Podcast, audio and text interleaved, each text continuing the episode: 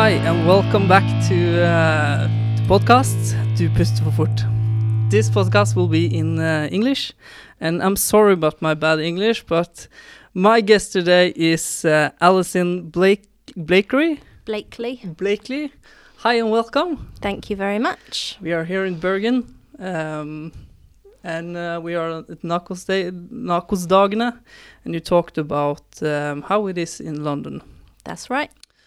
So, Alison, tell me about uh, yourself. What, uh, who are you, and what do you do for a living? Okay.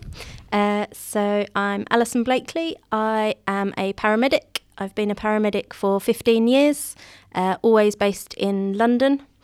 Um, for the last three or four years, my role has uh, been focused more on quality and quality improvement.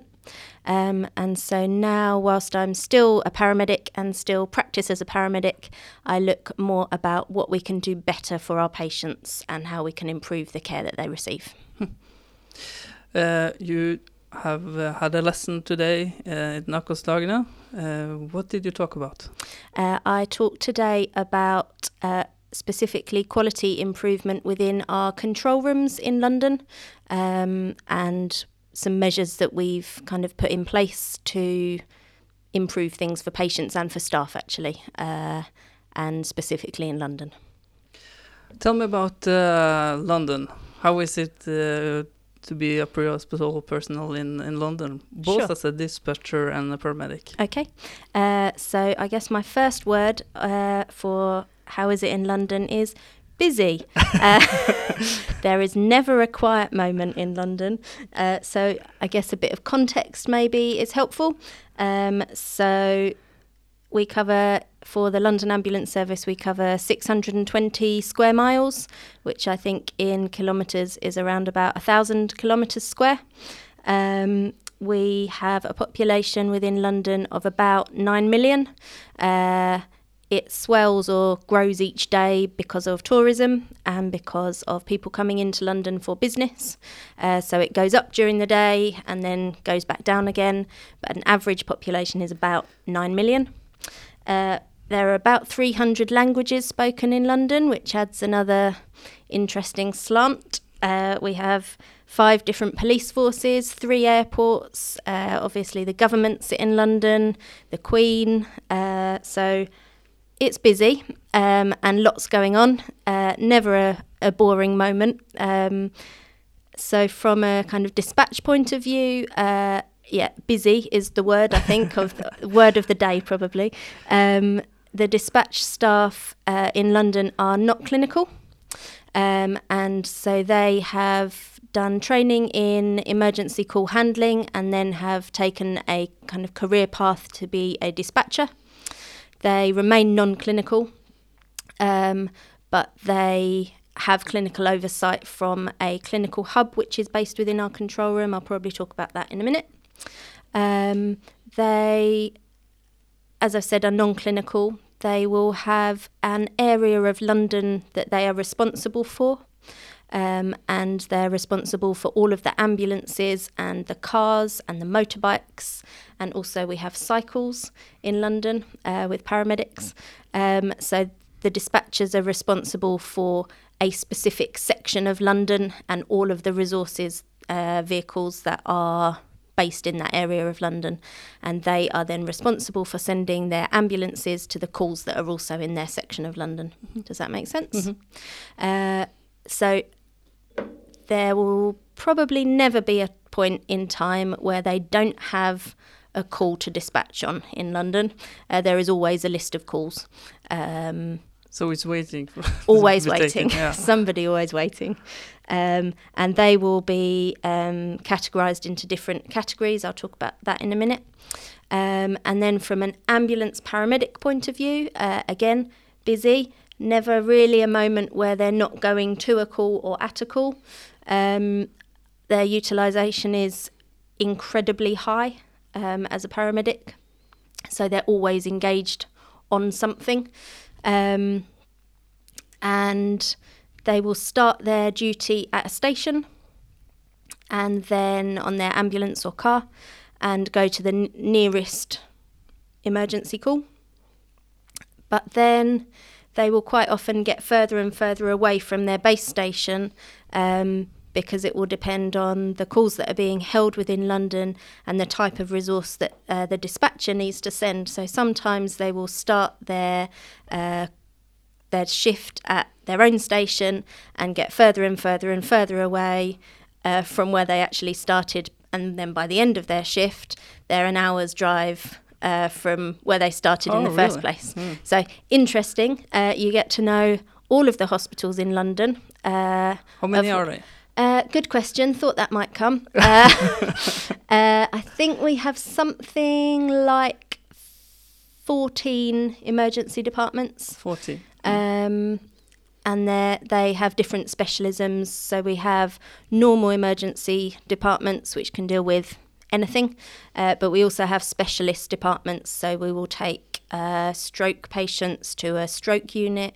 We will take uh, patients having a heart attack to a heart attack unit.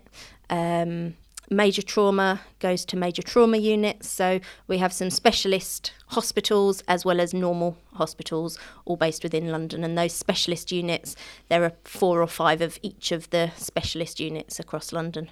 Um, so patients are never very far from a unit. Uh, Although the traffic in London means sometimes travelling a mile takes 20 minutes. Uh, so swings and roundabouts. Um, Yeah. but yeah, that's London. Uh, how many units are they? Uh, ambulance or Okay. Um, so on a kind of daily basis, between three and four hundred units, uh, whether that's ambulances, cars, motorbikes, but somewhere around there. Uh, more during the day, less at night, um, but not a huge amount less. Um, so that's kind of how many. And then would it be helpful for me to talk about our call volumes and what that looks like? Um, so on a daily basis, we receive in London between five and a half thousand to six thousand nine nine nine calls in a twenty-four hour period, um, and over a year, that's kind of just less than two million. Uh, last year, we received. That doesn't mean we respond to 2 million patients. Um, some of those calls will be uh, calls for Where's my ambulance? I called you five minutes ago, you're still not here. uh, or uh, actually, I don't need an ambulance anymore. So they're all counted as calls. Um, so, in terms of actual responses to patients, last year we, did, uh, we responded to 1.1 million. Um, so, still a lot, um, but not the 2 million calls that we receive. And then. How do you categorize them? Okay, uh, so the calls are taken through a fairly basic uh, triage system, um, and each of those calls is then tr- uh, triaged and categorised into one of four priorities. Category one calls are the highest priority, so therefore immediately life threatening calls, um, immediately life threatened patients. Uh, so, for example, cardiac arrest, uh, patients who have very severe difficulty breathing, patients who are fitting will be a category one call.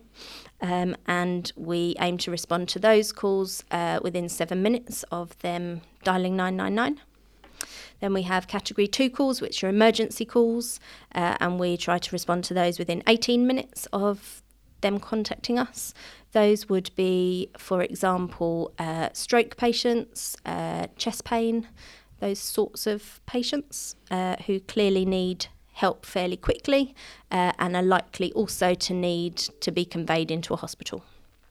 Uh, then we have category three patients, which are urgent.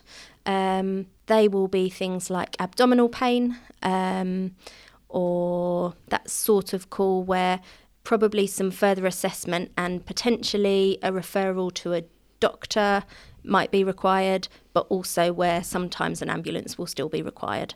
Um, and then we have category four patients um, who are uh, non urgent, and a lot of those are referred onto our 111 service, which is uh, urgent, unscheduled care. So similar to 999, but for urgent problems that are unscheduled. Um, you also told me uh, earlier today that uh, you also uh, London Ambulance Service also have a taxi contract hmm uh, who, for those who not is in need for for an ambulance. Yeah. Mm. Um, so yes, so we've had a taxi contract for a little while, uh, and it probably seems on the face of it a little odd. Mm. Uh, but actually, some of our patients uh, need to go to hospital or need to go to an appointment or be referred to somewhere, but don't necessarily need to be able to do that in an ambulance. And a lot of those patients wouldn't be able to make their own way to the hospital, uh, specifically uh, elderly people who are okay to walk uh, and mobile with a stick uh, or somebody to kind of help guide them, um, but who couldn't drive themselves to the hospital, couldn't arrange their own transport. Um, so some patients, after a clinical assessment, not from the initial triage, but they will always be referred after a full clinical assessment by a paramedic, uh, may be sent to their destination via a taxi, uh, which then prevents us from having to keep our resource occupied occupied on that call. Uh, how about the the costs? Uh, so it's I don't know how much the actual taxis cost, um, but certainly it's quite a lot cheaper than sending an ambulance and or a car and the staff that are involved. Um, so it certainly saves us some some money. Um, Alison, how do you recruit uh, people to the emergency operation operation center? Uh, good question. Um, so we've had a big recruitment drive for our incoming staff for our emergency operations centres. Um, we advertise with various newspapers. We advertise online. Uh, a lot of our staff that come into the emergency operations centres uh, are quite young, uh, have left school or college fairly recently. Uh, we have to; they have to be eighteen. Um, so it's quite often their first job, and it's quite often that they want to get into the ambulance service, and that's a good step in the right direction. Uh, we see quite a lot of our control room staff move from being a call handler or a dispatcher, moving into wanting to be a paramedic and going doing paramedic training at one of the universities. Um, so it's like a big family, uh, a big happy family. But uh, most of them are not. Most of them are non-clinical uh, Yeah. workers. What is the benefits of having them and not? Okay. Uh, so all of our uh, emergency call handlers and our dispatch staff are non-clinical. Um, they have basic training in kind of anatomy and physiology, and basic training in common medical conditions, common medications, just so that they can understand what things are. Um, but they're definitely non clinical, they're non clinical roles. We have the clinical hub, which is based within the control room, um, which is staffed by paramedics and also mental health nurses and uh, midwives and um, In the control room. within the control room. Ah, So whilst they don't take 999 calls or dispatch the ambulances, they are there to provide clinical oversight of what's happening and are able to help uh, the call handling staff if they need something. Um, the benefits for us of having non clinical call handling staff. Uh, that's a really interesting question. Um, so it's always been this way. Uh, the system that we use in London doesn't require clinical knowledge. Um, but actually, we've found that often having clinicians taking 999 calls, uh, clinicians will often think more about what might or might not be happening and will start to make diagnoses and start to think a bit more outside the box because that's what we're trained to do. Uh, and sometimes that goes really well, but sometimes it doesn't. Um, and so we have on occasion trialled having some paramedics within our control rooms, uh, but they go so far away from uh, what the script says you should do in the triage process that actually it opens a lot more doors, and we find.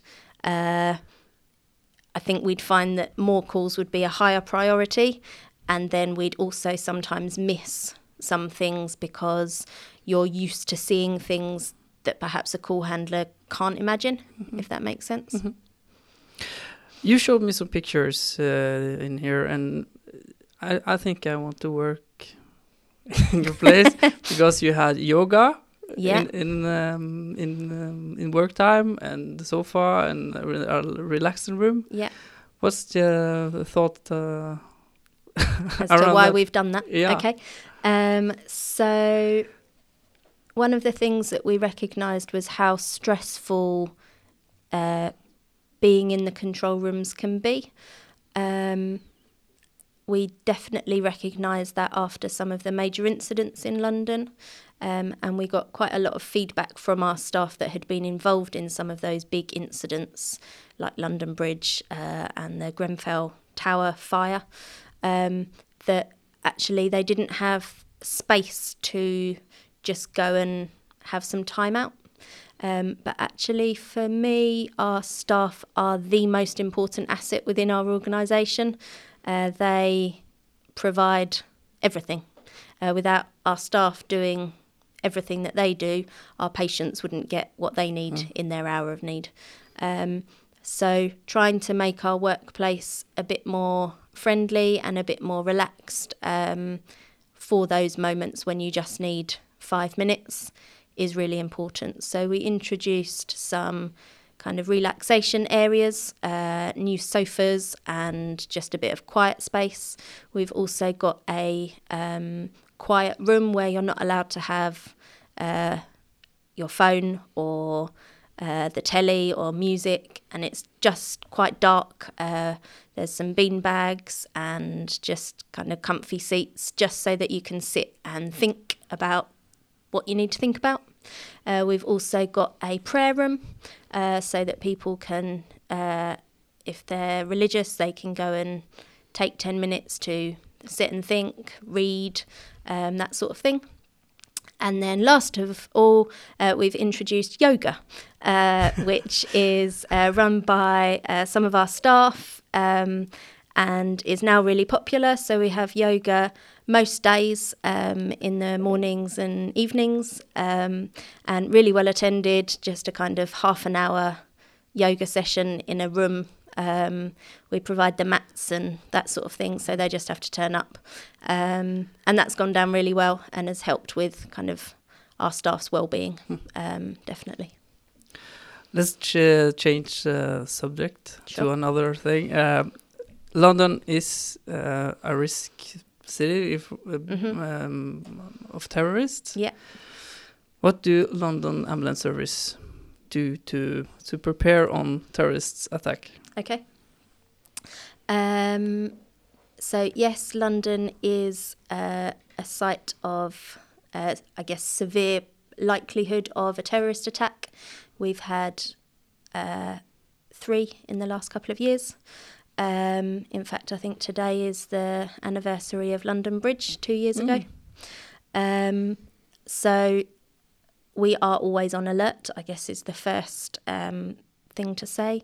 We also have um, within our control rooms a group of staff who are trained to be able to uh, stop what they're doing within the control room and go and open a new control room to be able to run an event or an incident that's happening.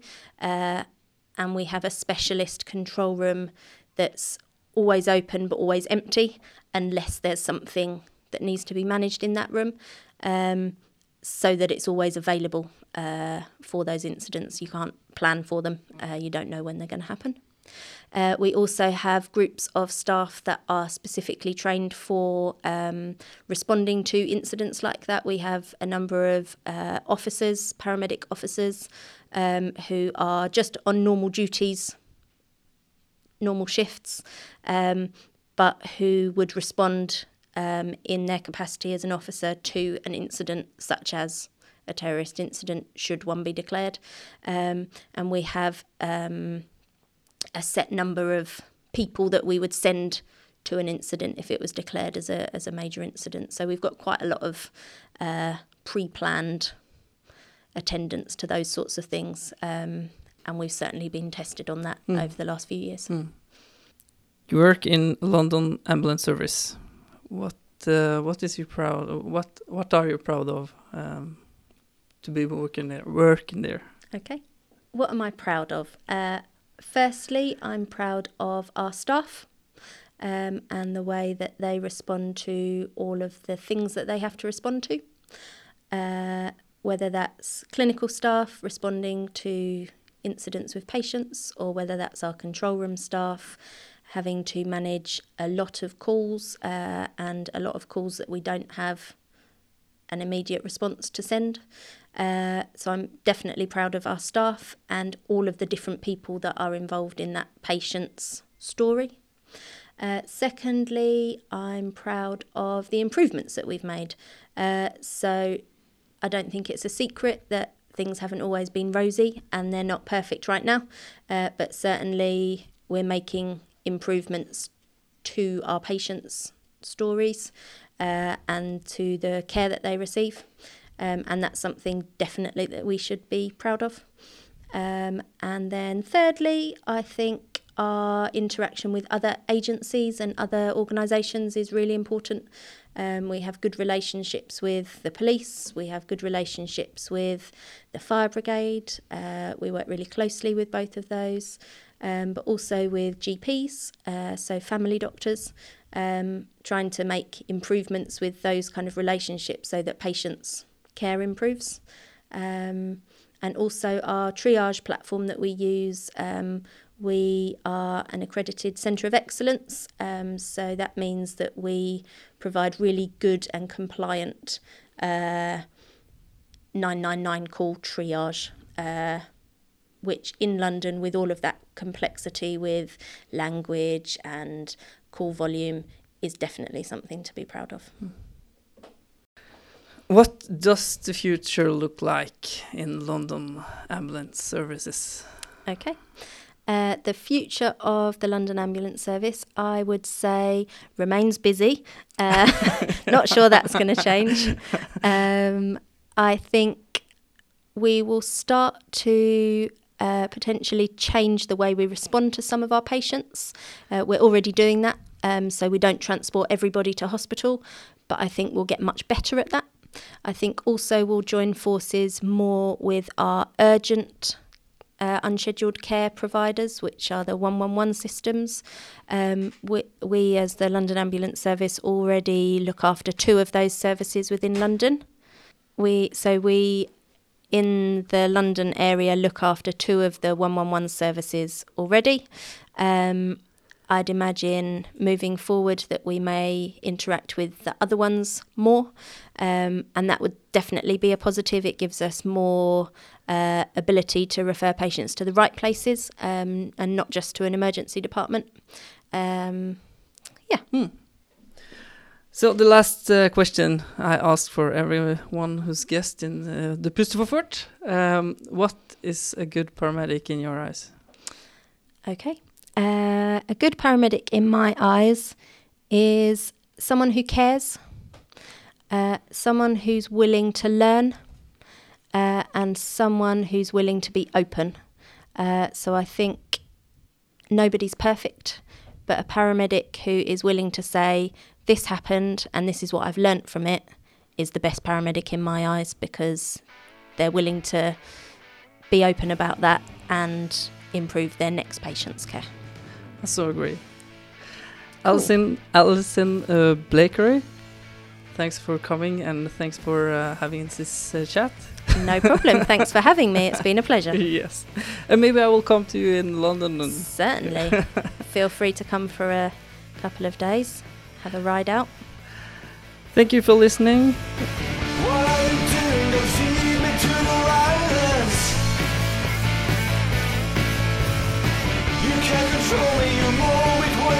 me sick. I don't.